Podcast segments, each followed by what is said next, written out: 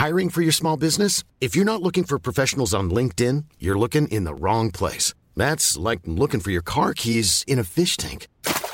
LinkedIn helps you hire professionals you can't find anywhere else, even those who aren't actively searching for a new job but might be open to the perfect role. In a given month, over 70% of LinkedIn users don't even visit other leading job sites. So start looking in the right place. With LinkedIn, you can hire professionals like a professional. Post your free job on linkedin.com slash people today. Ryan Reynolds here from Mint Mobile. With the price of just about everything going up during inflation, we thought we'd bring our prices down. So to help us, we brought in a reverse auctioneer, which is apparently a thing. Mint Mobile unlimited premium wireless. Ready to get 30, 30, bit to get 30, bit to get 20, 20, 20, bit to get 20, 20, bit to get 15, 15, 15, 15 just 15 bucks a month. So, Give it a try at mintmobile.com slash switch. $45 upfront for three months plus taxes and fees. Promo rate for new customers for limited time. Unlimited more than 40 gigabytes per month. Slows. Full terms at mintmobile.com. Mom deserves the best, and there's no better place to shop for Mother's Day than Whole Foods Market. They're your destination for unbeatable savings, from premium gifts to show-stopping flowers and irresistible desserts. Start by saving 33% with Prime on all body care and candles. Then get a 15-stem bunch of tulips for just $9.99 each with Prime. Round out Mom's menu with festive rosé, irresistible berry chantilly cake, and more special treats. Come celebrate Mother's Day at Whole Foods Market.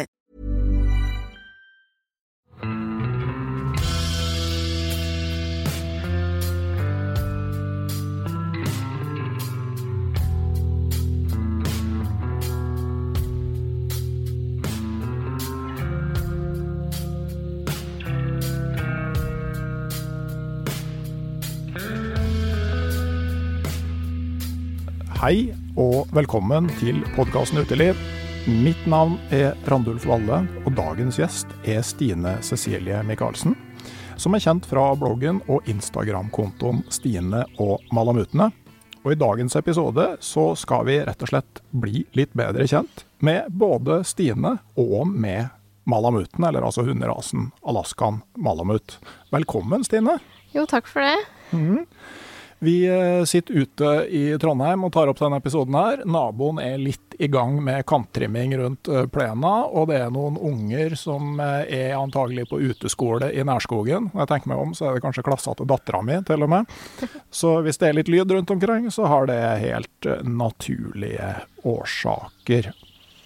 Men Stine, jeg har lest på bloggen din, og Ja. har funnet ut lite grann da jeg ser at du er blitt 30 år. Ja. eh, At du er bosatt i Vestfold med mannen Øyvind. Mm, stemmer. eh, Har to hunder. Ja. Eh, Du har med én i dag. Hvem av dem er det? Det er Frøya. Det er Frøya, ja. Ja. Og så har du Nanok i tillegg. ja, han er hjemme, da. Ja, Som begge er Alaskan malamuter. Stemmer. Og eh, så er du utdanna helsesekretær, studerer psykisk helsearbeid. Ja. Men for de fleste så er du jo mest kjent som formidler av tur og friluftsliv. Nå tester for Sivilforsvaret eh, alarmen sin. Ja. Vet du hva, da jeg hadde Grønlandshund, så fikk det en veldig artig sideeffekt. For de svarte på alarmen. Ja, ja, ja. De satte seg ned og ula tilbake. Og det også når vi bodde i Hammerfest, så hadde hvis brannbilen kjørt forbi. Da satte de seg på toppen av taket på hundehuset, og så urte Ja. de til, tilbake. Det er jo så søtt. Ja, Det, det er greit. Nå er vel den snart eh, ferdig med å ule her, den eh, alarmen. Men da har de i hvert fall fått testa. Det er noe vi skulle slått på radio. Men i stedet så kan man jo slå på en podkast, kanskje, når man Ja. hører det her i etterkant. Ja, det syns jeg. Får ikke håpe det er krig, da, på ordentlig. Nei, vi skulle, det, det, Du bør jo starte krig klokka tolv, da. sånn at eh, alle blir forvirra og tror det bare er en Sant. øvelse. Mm. Godt tips. Ja. Jeg har egentlig hørt at du skal starte krig klokka fire om natta. For da er liksom på en måte beredskapen på det laveste, og lederne er liksom eh, Ja, på ja. sitt tregeste på beslutninger. Men kanskje også klokka tolv, for at folk skal tro at det bare er en øvelse. ja. Men, eh, men Stine, eh, for, eh, for folk flest da, så kjenner man jo deg som tur- og friluftsperson. Altså, og det ser jo ut fra det du deler på sosiale medier og på bloggen din ut til å være en stor del av livet ditt. Da, Ja. Hvordan blei det det? Eh, Jeg har jo slitt en del eh, med angst eh, og depresjon, og hatt på en måte opplevd veldig mye kjipt, da. Eh, så det har jo Det begynte vel kanskje med at jeg fant liksom ut, bare på sånne små turer, at jeg fikk veldig mye ro.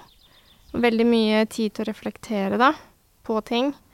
Og så begynte jeg å kjenne veldig på den mestringsfølelsen når jeg var på tur. Um, og da ble på en måte jaget høyere og høyere for å måte, oppnå den mestringen da, og den roa som, som, jeg begynte å kjenne at jeg fikk.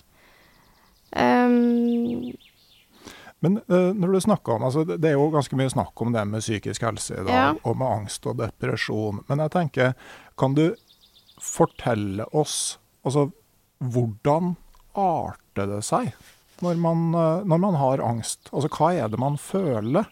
Hvordan uh, går det an å forklare det for de som ikke, som ikke sliter med det? Altså, jeg kan jo fortelle hvordan det er for meg. Um, og det er jo Angsten kan jo komme ut av ingenting. Um, at man får en sånn plutselig panikkfølelse av at noe forferdelig skal skje. Uh, og så går man på en måte inn i en sånn boble hvor man er veldig mye redd. Det blir sånn intens redd-følelse. Det er litt vanskelig å forklare det. Eh, men man Det er jo sånn når jeg har hatt f.eks. dødsangst, da sånn fått panikkangst og trodd at jeg skal dø, så er det jo det på en måte min sannhet, at nå dør jeg. Nå er jeg helt sikker på at jeg dør. Eh, mens fra utsiden så kan det jo bare se ut som at jeg er helt sånn overdramatiserer, eller at jeg ja, er rar, liksom. Um, men jeg har jo lært meg etter hvert å, å forstå at uh, angsten forsvinner omtrent like fort som den kom. Um, så det er jo kanskje sånn, sånn det er for meg med angst, da. Mm. Er, er, det lenge du har hatt uh, sånn? Jeg tror jeg har hatt det lenger enn jeg har trodd. Um, så jeg har nok slitt med det siden jeg var rundt 14-15 år, faktisk. Mm. Mm. Ok. Men, men du, du syns altså at det å være på tur, det er noe som hjelper? Ja, det hjelper veldig mye. Det er uh, Og jeg vet ikke hvordan jeg skal forklare det engang, men jeg blir veldig glad. Eh, for det er jo Jeg føler på mange måter at naturen og turene mine har redda meg. For jeg har jo hatt veldig mye depresjon oppi det, og tenkt liksom flere ganger åh, skal jeg orke mer, skal jeg gidde mer av livet da? Eh, og så for naturen, liksom, og alle turene jeg har vært på, så har det blitt sånn Så med hundene, da. At det blir liksom min greie. Liksom, turen er min ting som på en måte gir meg en redning, da. Um, kan liksom bare tenke på de veldig elementære tinga når jeg er på tur. Det er som å holde seg tørr, holde seg varm, få i seg mat, finne camp, gå så langt jeg har tenkt. Fiske litt, ikke sant. Fyre et bål.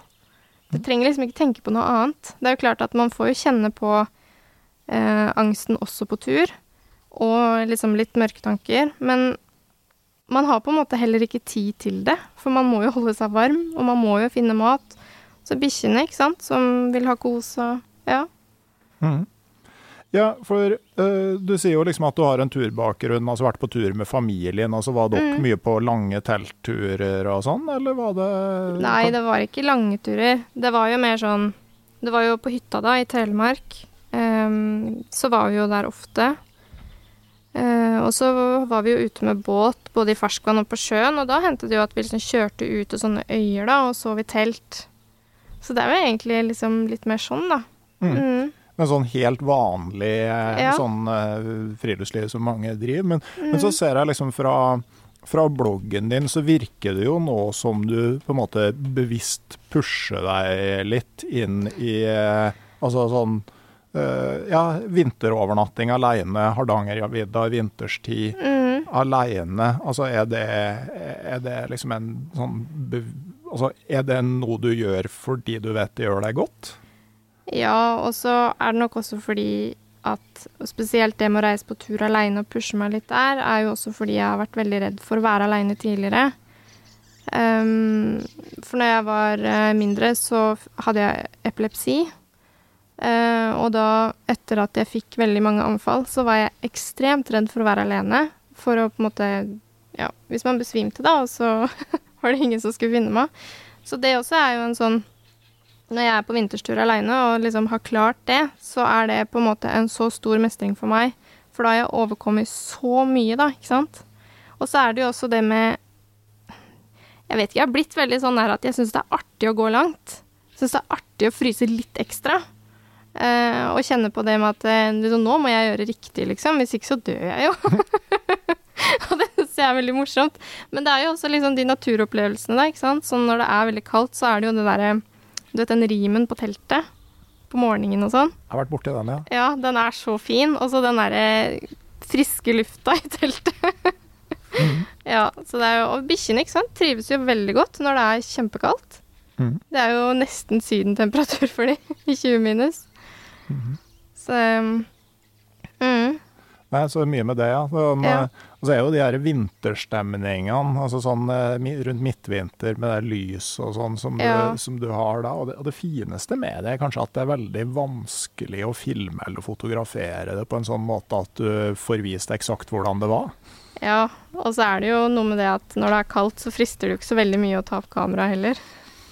Nei, eh, det gjør det ikke, men det er jo, i hvert fall for min del så har det jo vært på en måte Du vet jo òg at hvis du klarer det, Mm, så får du jo de bildene som ikke så veldig mange andre har. Så det, det har vært en sånn, for min del en sånn drivkraft prøve å få til eh, det, da. Både gjennom planlegging og Jeg merka at eh, sånn på akkurat sånne ting, så for min del så blir det veldig sånn definerende om jeg klarer å komme i gang fra starten.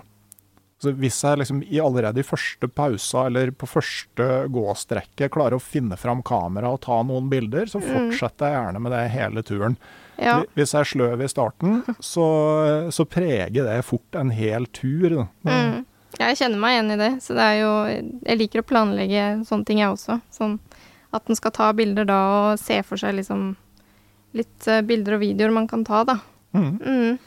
Men, eh, men hvor lenge er det du har drevet med turer liksom, på det viset her? Tja, jeg vet ikke. Det kan være en tre-fire år, kanskje. Mm. Mm. Så det er jo egentlig ganske ferskt. Det er jo ikke noe sånn Jeg har jo ikke mye turerfaring, egentlig. Men eh, du og, og mannen din bestemte dere jo da relativt fort for å skaffe dere hund for, eh, for turbruk. Altså det, Ja. og, altså, kan du fortelle om, liksom, bare om prosessen på å først bestemme seg for at man skal ha turhund? Ja, vi var jo mye på turer, da. Eh, Så tenkte vi at det hadde vært kjekt å liksom hatt det med oss en turkamerat, da. Som, som liksom funker til vår bruk, som kan bære sin egen mat og tåle kulda. Eh, og bare det å ha selskap, da, på tur. Mm. Så det var vel egentlig sånn, og så begynte vi å se på forskjellige raser, da. Og så det rareste er at vi først liksom tenkte sånn fuglehund, men det er jo langt borti fra på en måte vår bruk, syns jeg, da, på en måte. Eh, og så og så landa vi jo til slutt på Malamut, da, etter å ha liksom snakka med flere og hørt liksom om deres erfaringer. Og så har jo onkelen min har jo Malamut. Eh, så da liksom fikk vi se hvordan hun var, og fikk høre litt med de og sånn, da. Så da blei egentlig valget veldig lett.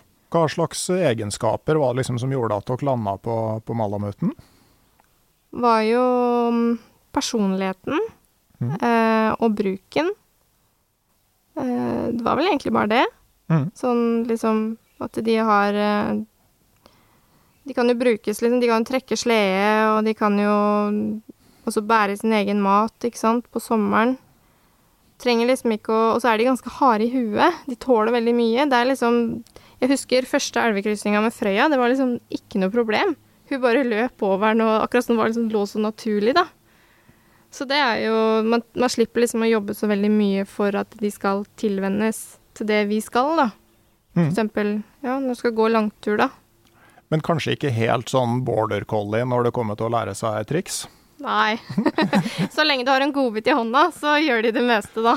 Veldig glad i mat. Ja, må si, altså Vi hadde jo to grønlandshunder, og han hannhunden altså Grønlandshunden er jo ikke spesielt intelligent, det må det være lov å si. Og han hannhunden var ikke en spesielt intelligent grønlandshund.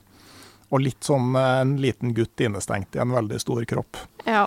Så det var noe sånn elvekryssinger og sånn, syntes han var fryktelig skummelt. da. ja, ikke sant. Sto og grein på bredden mens tispa gikk over, og når han da til slutt turte å komme over sjøl, så skulle han jo tøffe seg skikkelig når han kom til andre sida, for å vise at eh, han egentlig var tøffere enn det han hadde vist fram. Ja. Eh, Men eh, det, det sosiale òg, altså når du er på tur alene, det er jo noe helt annet å være alene på tur med hund enn uten. Mm. ja, for du har jo liksom en kamerat du kan prate med, da. Mm. Eller venninne i Frøya. Så det er jo Man blir jo litt sånn rar i huet når man er lenge på tur aleine. Så man liksom Litt rart å sitte her og si det, da, men man nesten føler at bikkja blir et menneske til slutt, ikke sant? For at man får en sånn spesiell kommunikasjon på tur. Um, og jeg går jo fort inn i den turbobla bare etter to dager, så jeg blir jo sånn Si vi sitter og liksom prater til frokosten, ikke sant? Sitter og snakker om teltutsikten. snakker om åssen dagen skal være. så, nei, men det er kjempehyggelig. Det hadde ikke vært det samme uten å ha med hund, altså. Nei, nei, og det er jo noe med det her at uansett hva slags humør du er i, så er jo dem fortsatt sånn hengivne og eh, Ja. Og det er jo også det jeg tenker sjøl at, eh, at eh, hundene blir jo veldig påvirka av vår sinnsstemning. Så det er jo også noe jeg prøver å på en måte ta meg litt i, da. At hvis jeg blir eh, Hvis ting ikke går som planlagt på tur, så prøver jeg å ikke eh, være i et humør liksom Ikke være sur irritert, da. Sånn at det liksom ikke Frøya eller Nano på en måte lar seg påvirke av det. Så jeg prøver liksom Så man blir kanskje litt sånn mindre irritert på tur, da. I hvert fall har jeg blitt det. så det er jo mm. Ja, nei, for du merker jo det at liksom sinnsstemningen din, den, eh, den eh, projiseres veldig fort over på, eh, på hundene. Ja, sånn er jeg redd, så blir jo bikkjene òg redde. Merker at de blir, de blir usikre, da. Hva er det som skjer nå? Um, så man må jo prøve å Prøve å ikke bli det. Eller hvis man blir det, så prøve å late som at ting er greit, på en måte. Mm. Mm. Ja, det Nei, men jeg så jo òg, jeg lurer på om det var Sigrid Ekran som sa at hun ikke trente hundene når hun var i dårlig humør. Ja, ikke sant? Mm. For det, det kom det ikke noe godt ut av. Så, Nei. så var det vel Sven Engholm, han eh, hundekjørerlegenden oppe i Karasjok, som, eh, som sa jo at gleden med hundekjøring er ikke proporsjonal med antall hunder. Sånn at du kan ha den samme gleden med to. Jeg håper at det samme gjelder for frustrasjonen òg. For Ja. at eh, hvis de med et 14-spann har vært sju ganger så eh, frustrert som jeg er med et tospann, da, da kan det ikke være noe særlig bra. Nei. Eh, Men sånn eh, på sommerstid, da, hvordan er det med en polarhund i sommerforhold? Ja, de tåler jo ikke så veldig godt varme, så da må man jo t- se liksom litt på værmeldinga, da. Det pleier jeg å gjøre, og planlegge ut ifra når det er kaldest. Sånn som i dag, eksempel. Når det er kjempevarmt, så kunne jeg aldri gått midt på dagen. Da måtte jeg venta til kvelden, eller tatt en hviledag til det blei kaldere da. Um, og da er det jo også Selv på natta nå så vil det jo være varmt, så da er det viktig å på en måte legge ruta, da, sånn at vi har vann i nærheten. Eh, og at eh, vi tar av kløven ofte og tar hvilepauser. Så vil bikkja stoppe, så stopper vi. Mm. Pusher ikke hundene mine i varmen, nei. Nei. nei. Jevnlige badepauser. Ja, Mm. Det kan jo være bra for folk òg, det i varmen. absolutt. Mm. Men jeg ser jo òg på, eh, på eh, bloggen din at eh, det står at du, du går Norge på langs. Ja. Men jeg har ikke sånn helt fått tak i eh, måte, For det er jo åpenbart eh, at du ikke starta i nord og skal gå rett til sør, tenker jeg. Eller skal du det? Det er jo litt sånn hultete bulter Norge på langs. Det er Ja. jo veldig mange som går Norge på langs, har liksom planlagt at de skal starte på Lindesnes eller Nordkapp, og så går de hele smæla, og så har de liksom 100 eller 120 dager til rådighet, da. Eh, Jeg begynte på Nordkapp med samme innstilling, og fant fort ut at nei, vet du hva, jeg har all tid i verden omtrent, så jeg skal ta turen på min måte og mine premisser. Men vi starta i Nordkapp, øh, og så gikk vi ned til Skaidi. Og da begynte jeg å få et vondt kne. Eh, og så tenkte jeg det kneet skal jeg bare Det, det skal jo, har jo bare ett kne hele livet. Så Ja. hvorfor skal jeg liksom pushe det?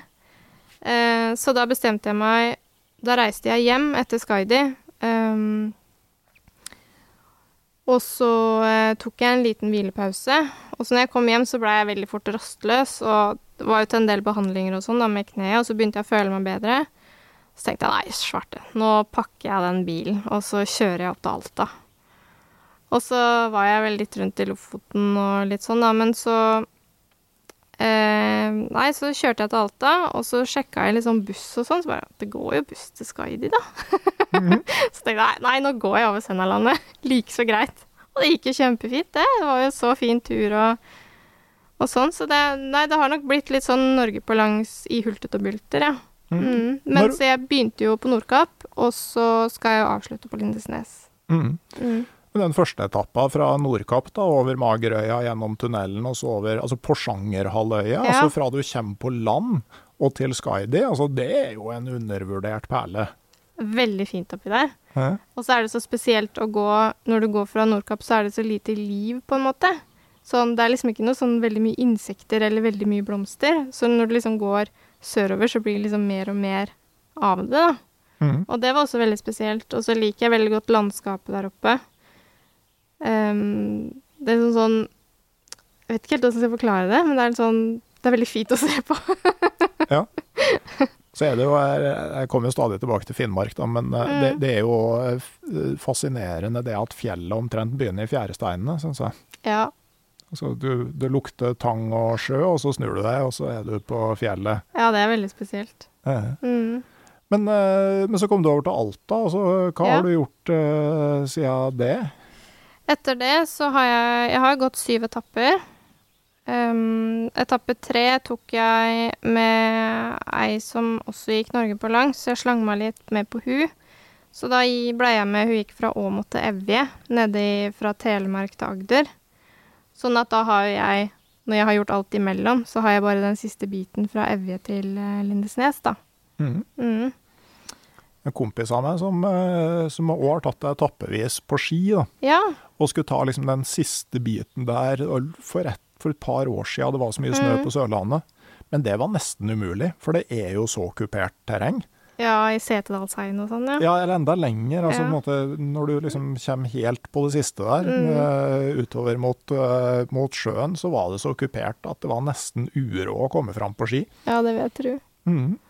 Men det er jo også litt av grunnen til at jeg valgte å ta den i etapper, er jo sånn, sånn at hundene kan gå på vinteren. Og jeg er jo veldig glad i vinterfriluftslivet også, så tenkte jeg liksom at det var en ypperlig mulighet, da.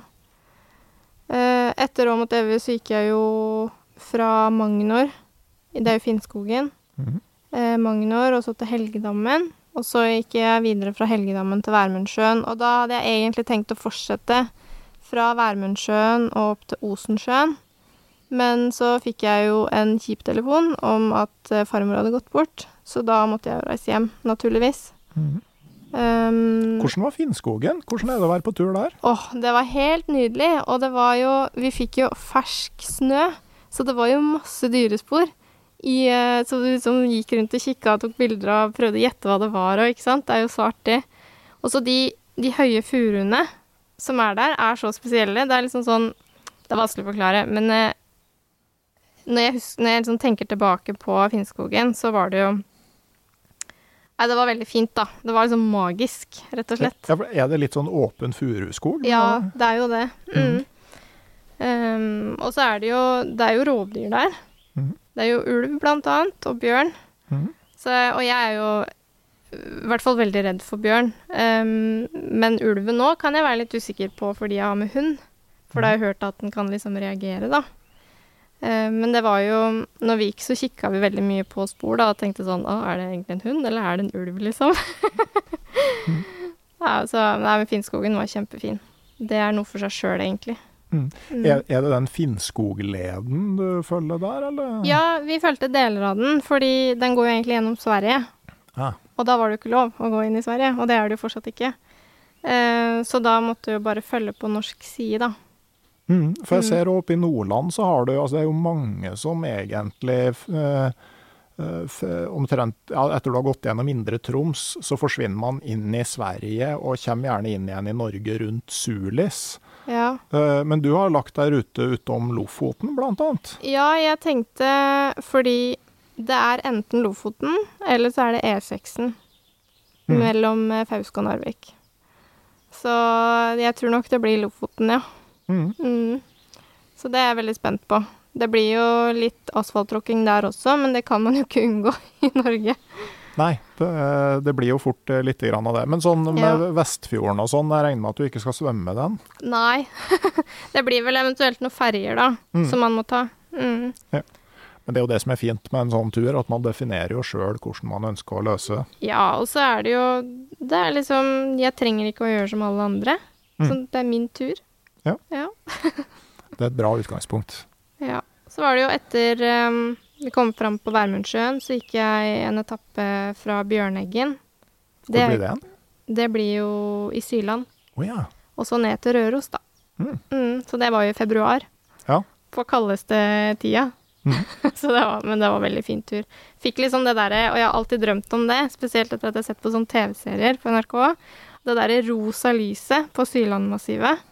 Mm. Skjønner du hva jeg mener? Ja.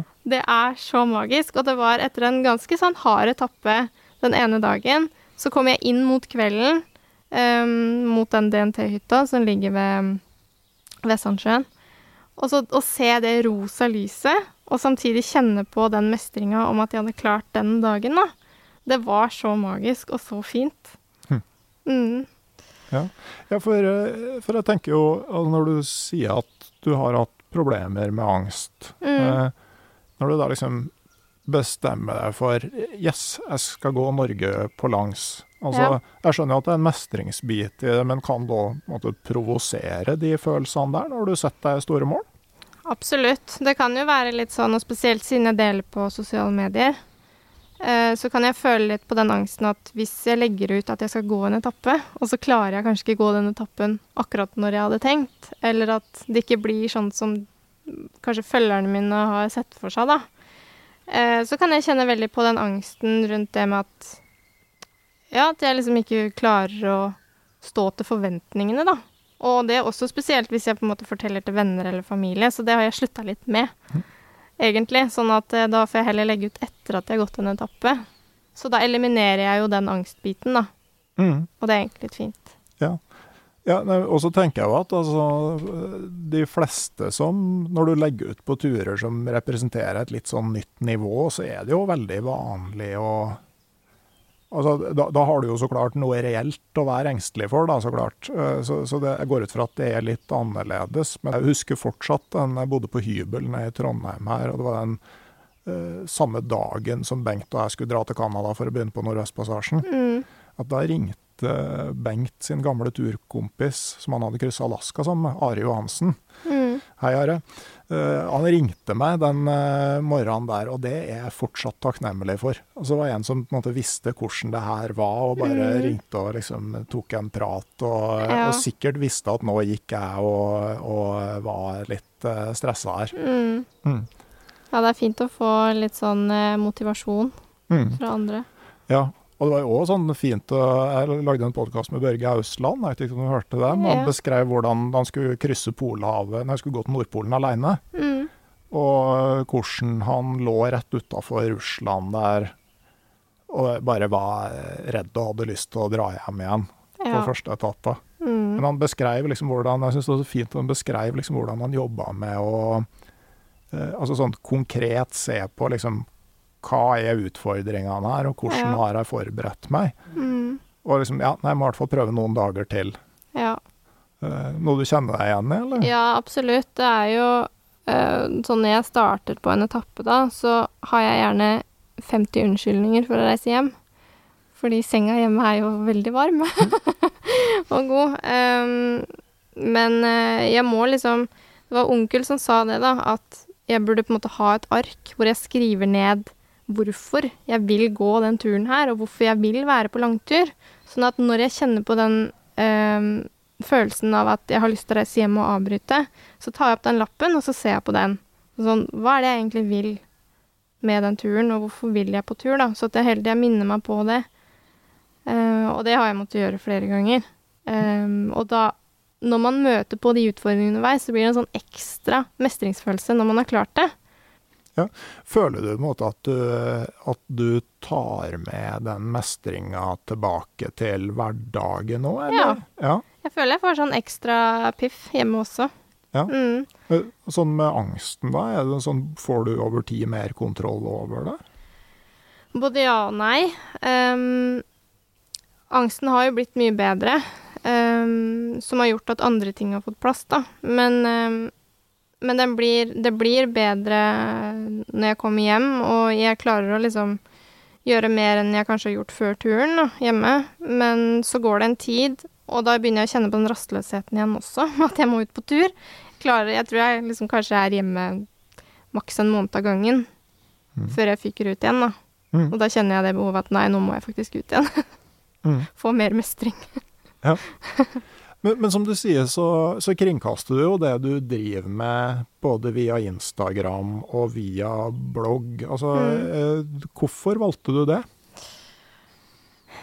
Jeg vet ikke. Det begynte vel egentlig bare sånn smått med med sånn nærturer og For alle andre gjorde det jo, ikke sant? Bare la ut på Instagram hva de gjorde. Og så vokste den kanskje litt fortere enn jeg hadde tenkt. Jeg hadde jo liksom egentlig ikke trodd at det skulle bli en sånn stor greie, og jeg er på en måte ikke Klarer liksom ikke å bli vant med det heller. Um, men det er jo en fin arena for å spre liksom min turglede, da. Um, og at hvis det kan f.eks. bare motivere én person til å ta med seg hengekøya ut på nærtur, så er det bra nok for meg. Mm. Mm. Hva tenker du hva er det beste og det verste med Instagram? Og det beste er jo at man kan bli kjent med liksom flere friluftsfolk, da. Og lære mer av andre. For det, det er jeg veldig opptatt av. liksom Hele tida ta til meg kunnskap. Det syns jeg er veldig moro. Og det å liksom følge andres eventyrer og Og så er det jo også det at siden Altså, jeg blir jo sponsa da av veldig mange, og ha, det er jo på grunn av Instagrammen. Så hadde jeg ikke hatt det, så hadde jeg jo heller ikke hatt samme muligheten da, til å reise på tur. Så det er jeg jo veldig takknemlig for, og det er jo liksom en sånn veldig positiv ting, da. Eh, og så gir det meg også egentlig mer motivasjon til å legge ut liksom bedre innhold, da. Fin, ta finere bilder, legge ut bedre tekst. Ja, at man blir så motivert av det også. Og det verste er vel kanskje litt det med angsten, da. At eh, jeg kan kjenne på den prestasjonsangsten. Uh, med at jeg kanskje ikke klarer det jeg får til, eller, eller som jeg har sagt, da, at jeg skal få til. Eh, og at man òg kan kjenne litt på det presset. Eh, og at man kan begynne å sammenligne seg selv med andre. Så det er jo kanskje det negative. Mm. Mm. Ja, for eh, altså jeg har jo Instagram-konto både for meg sjøl og for podkasten, men jeg Mm. merker at jeg klarer ikke helt altså, altså, de som lykkes på Instagram, poster mye og ofte. Ja. Og for min del å poste på Instagram mens jeg er på tur, Mm. det har jeg kommet fram til at det gjør jeg ikke. Nei. For jeg Ja. syns det tar for mye av fokuset. Ja, det er jeg veldig enig i. Jeg har jo um, Jeg gjør litt forskjellig, egentlig. Altså innimellom, hvis, hvis jeg er aleine på tur, så syns jeg det er litt fint å kunne poste litt, fordi at da er jeg på en måte ikke helt aleine, og så er det jo liksom morsomt å lese litt kommentarer, og at liksom at det blir en sånn heiagjeng, da. Mm. Mens man er på tur. At de liksom sier sånn 'Å, så moro å følge med', ikke sant. 'Lykke til videre, og det her klarer du'. Uh, men jeg har også bestemt meg for, uh, ganske nylig, at når jeg er hjemme, så skal ikke jeg legge ut et eneste turbilde, fordi jeg vil at folk skal se at man er ikke på tur hele tiden. Og jeg vil at det skal være litt mer sånn at jeg legger ut når jeg faktisk er på tur. Om det er liksom eh, eksempel etter en etappe, da, så legger jeg ut, eller at jeg legger ut litt underveis på turene så lenge jeg har dekning. Men jeg vil liksom så gjerne at det skal være litt genuint, da. At ikke jeg sitter hjemme på sofaen, liksom, og legger ut at 'å, nå har jeg gått en etappe', hvis du skjønner hva jeg mener. Mm. Det skal være litt ærlig, da. Mm. Um, så det er jo bevisst. Sånn sist nå, så la jeg ikke ut et eneste innlegg på en måned. Nei. Mm.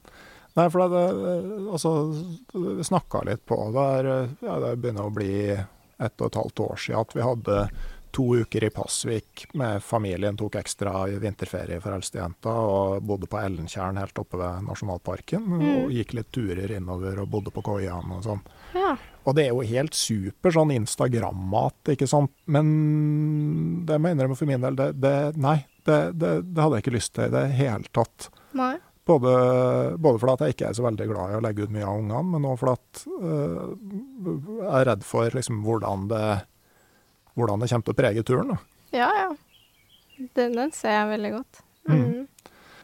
Men, men når du driver blogg i tillegg, altså er det, er det, er det for å ha mer plass?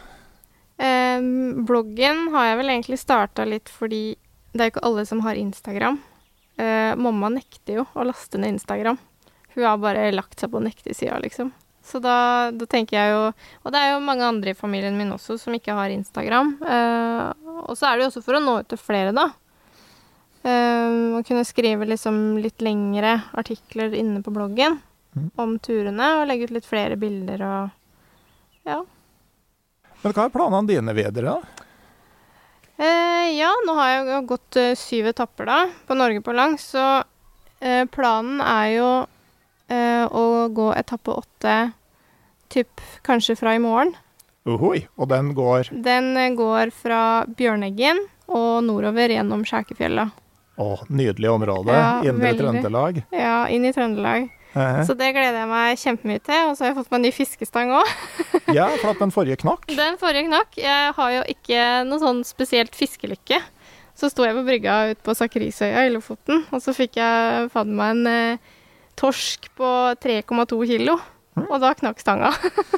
Veldig bra, veldig bra. Mm, nei, så etter, etter det så Jeg håper jo å liksom komme meg så langt som mye nord, da.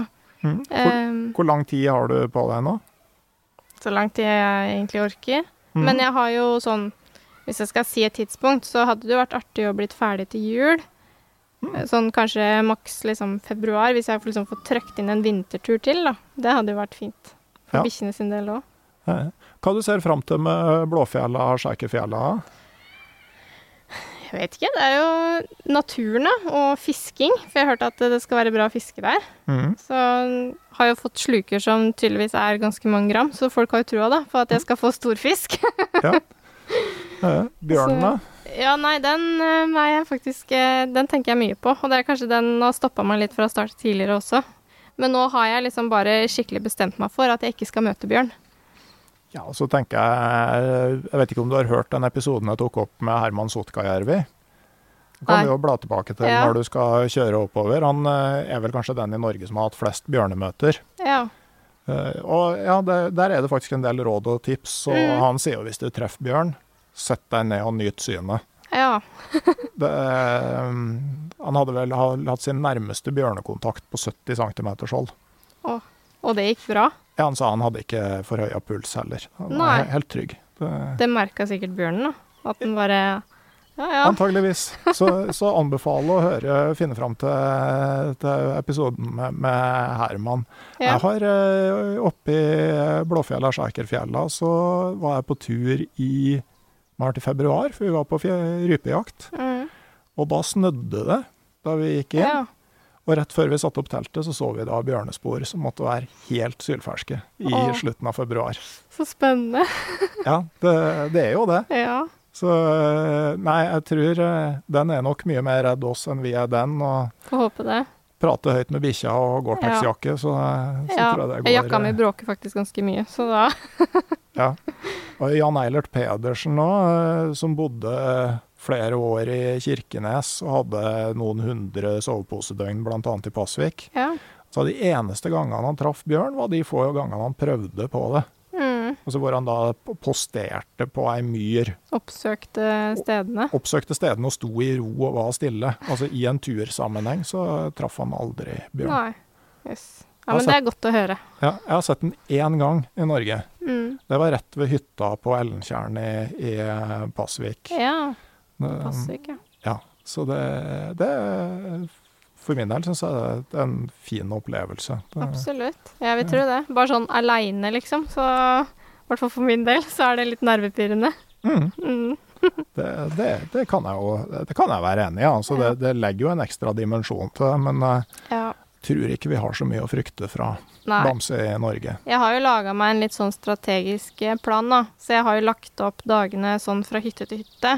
Men at jeg skal ligge mest mulig i telt, selvfølgelig. For jeg er veldig glad i å sove i telt. Men at jeg kan ha den på en måte sikkerheten. og at hvis liksom en dag at jeg kjenner veldig på den bjørnangsten, så kan jeg bare løpe til hytta. ja. Det går an. Mm.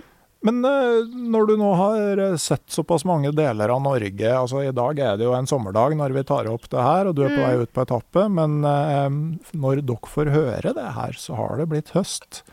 Eh, Har du noen av de eh, områdene du har besøkt som du ville anbefalt for en, eh, en høsttur? En høsttur, ja. Mm. Jeg tror Syland i høstdrakt tror jeg må være helt fantastisk. Mm. Og fiske der om høsten. Mhm. Det tror jeg må være veldig fint. Um, jeg har lyst til å trekke fram en annen tur som jeg har gjort tidligere. Mhm. Eh, og det er jo Skrimfjella.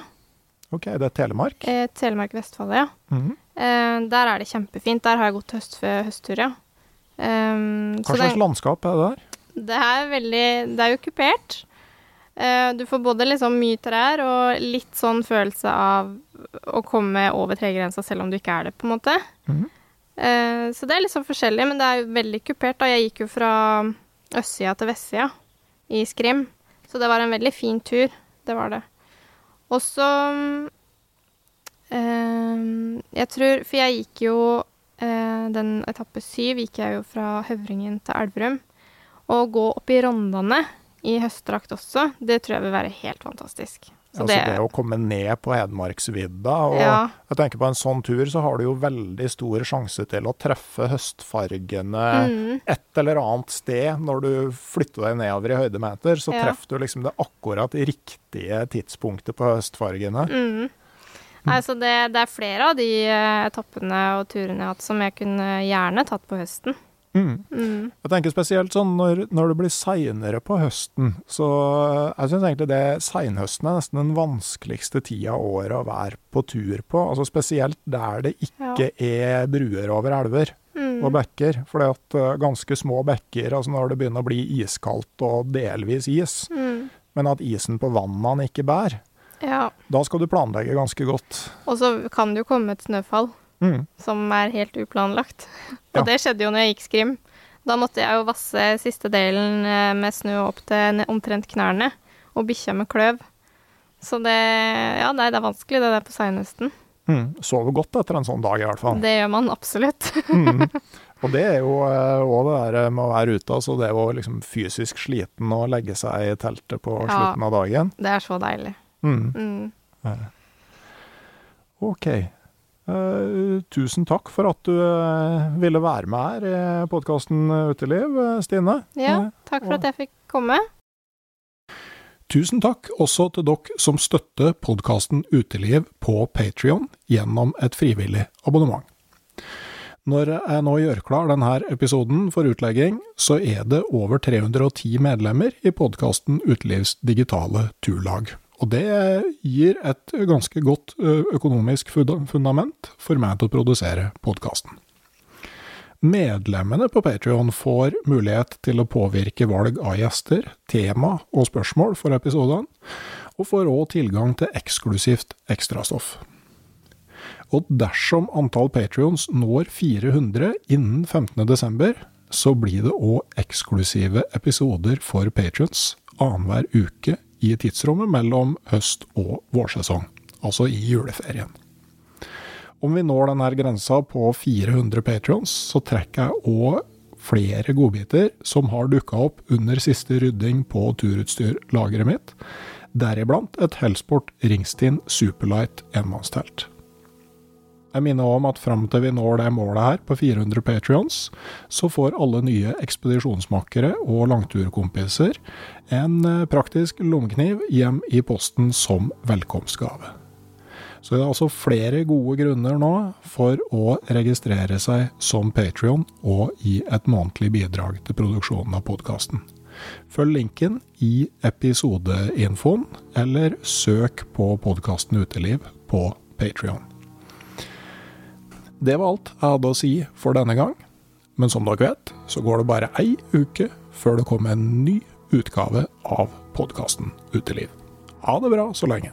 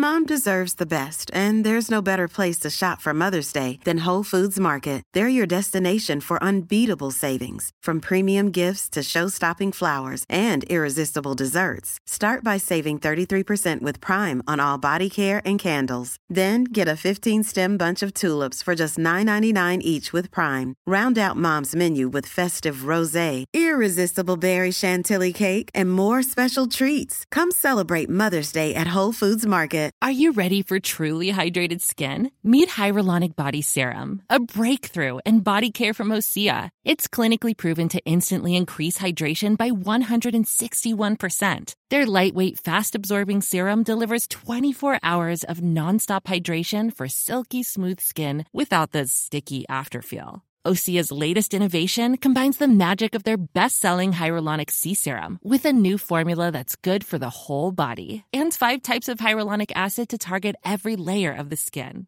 Osea is a women-founded, women-led brand that's been crafting seaweed-powered products for nearly 30 years. The best part? Everything Osea makes is clean, vegan, cruelty-free, and climate-neutral certified, so you never have to choose between your values and your best skin. Treat your skin to clean, vegan skincare from Osea. Get 10% off your first order site-wide with code SUMMER at OseaMalibu.com. That's O-S-E-A Malibu.com code SUMMER.